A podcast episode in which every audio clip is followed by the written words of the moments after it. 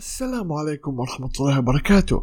أهلا وسهلا فيكم في حلقة جديدة من بودكاست مهنديات واللي هي راح تكون آخر حلقة لموسمنا الرمضاني. كان موسم كتير حلو. أتمنى إنكم استمتعتم معي وسهراتنا كانت حلوة مع بعض يا أعزائي المستمعين. الله يبلغنا رمضان السنة القادمة على خير يا رب. احكوا لي كيف قضيتم رمضان؟ كيف كان روتينكم؟ راح أكون سعيد بقراءة ردودكم في التعليقات الحلقة هاي. على أي منصة بتسمعوا فيها البودكاست؟ أو إنكم ترسلوا على حساب الإنستغرام مهند فويسز راح أكون سعيد جدا بقراءة رسائلكم الحين بما إنه رمضان على مشارف الانتهاء وزي ما عملنا في بداية رمضان على العادات الرمضانية فأكيد لازم نعمل عن عادات العيد صح؟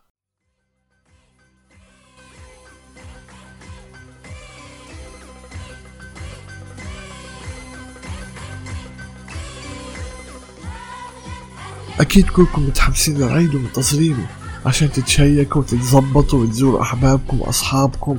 أقمار أقمار أنتم يا مستمعين. طبعا العيد العوائل بيكونوا بحضرون إله من قبل موعده بأسبوع أو يمكن من قبل رمضان بشراء الملابس الجديدة لأنه العيد مربوط بالملابس الجديدة والفرحة. يعني ممكن تشوف صاحبك اللي ما بيغير أواعيه ولا مرة بحياته بيتظبط كأنه عريس. وفي فئة واللي إحنا منها أكيد ما بنلحق حالنا غير قبل العيد بيوم. بنجي للسوق بتلاقي كل الشعب زينا. زحمة مش طبيعية. حتى نملة ما بتقدر تتحرك. عاد في هاي الحالة البقاء للأقوى. راح تحارب عشان تشتري أغراضك هاد إذا لقيتهم أصلا. لأنه بيكون كله مخلص. إلا إذا كنت محظوظ كتير. طبعا الأغراض هم ثلاثة أشياء أساسية. الملابس والقهوة وحلاوة العيد. طبعا القهوة والحلاوة هي أهم الأشياء عشان الضيوف لما يجوا عشان ضيافتهم. بعد شراء الأغراض نصحى الصباح ونروح أكيد لصلاة العيد. الله أكبر الله أكبر. لا إله إلا الله. الله أكبر الله أكبر. ولله الحمد. الله أكبر كبيرا والحمد لله كثيرا. وسبحان الله العظيم بكرة وأصيلا. لا إله إلا الله. بعد الصلاة طبعا لما كنا صغار كنا نروح لعند الأب والجد والأقارب. مشان العيديات ناخد العيديات. الحين أنا اللي صرت أعطي العيديات للأسف. آخ أيام. كنت أروح مع أبوي على الأقارب كلهم نلف في المدينة كلها. أنا كنت مضطر أروح ما أحب أروح. هذا الإشي كل ولد لازم يعمله. أما عاد البنات قصة ثانية خالص.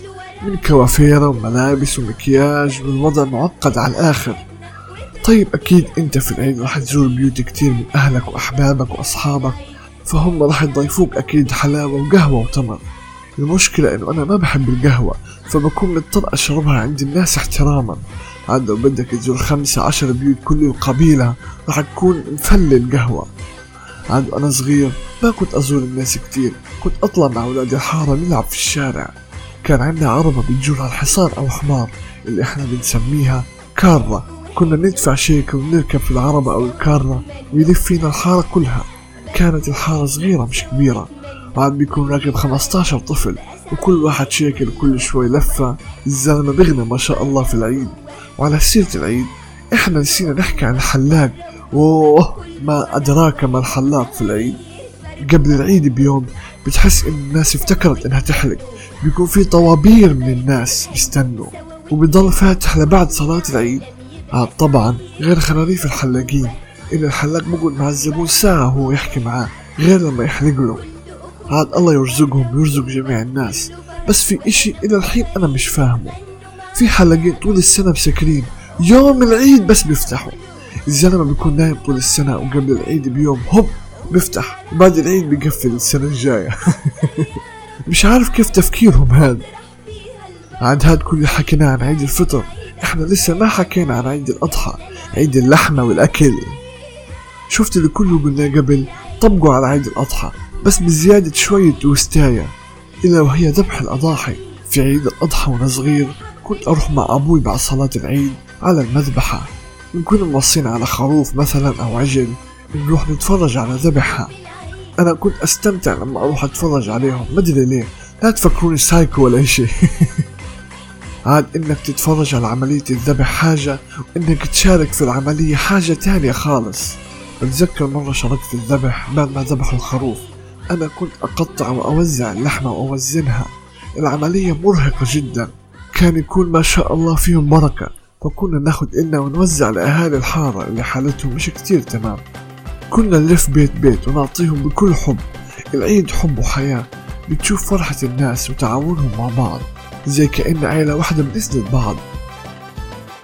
في ختام آخر حلقتنا من الموسم الرمضاني للبودكاست تاعنا كل عام وإنتم بألف خير.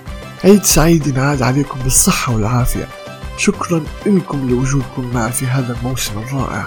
أتمنى أنكم استمتعتم وحصلت على رضاكم. لمتابعة أخبار البودكاست أول بأول والتواصل معي تابعوني على إنستغرام مهند فويسز. راح يكون اسم الحساب في وصف الحلقة. أراكم في موسم جديد أعزائي المستمعين. كان معكم مقدم البودكاست مهند الحوراني في أمان الله.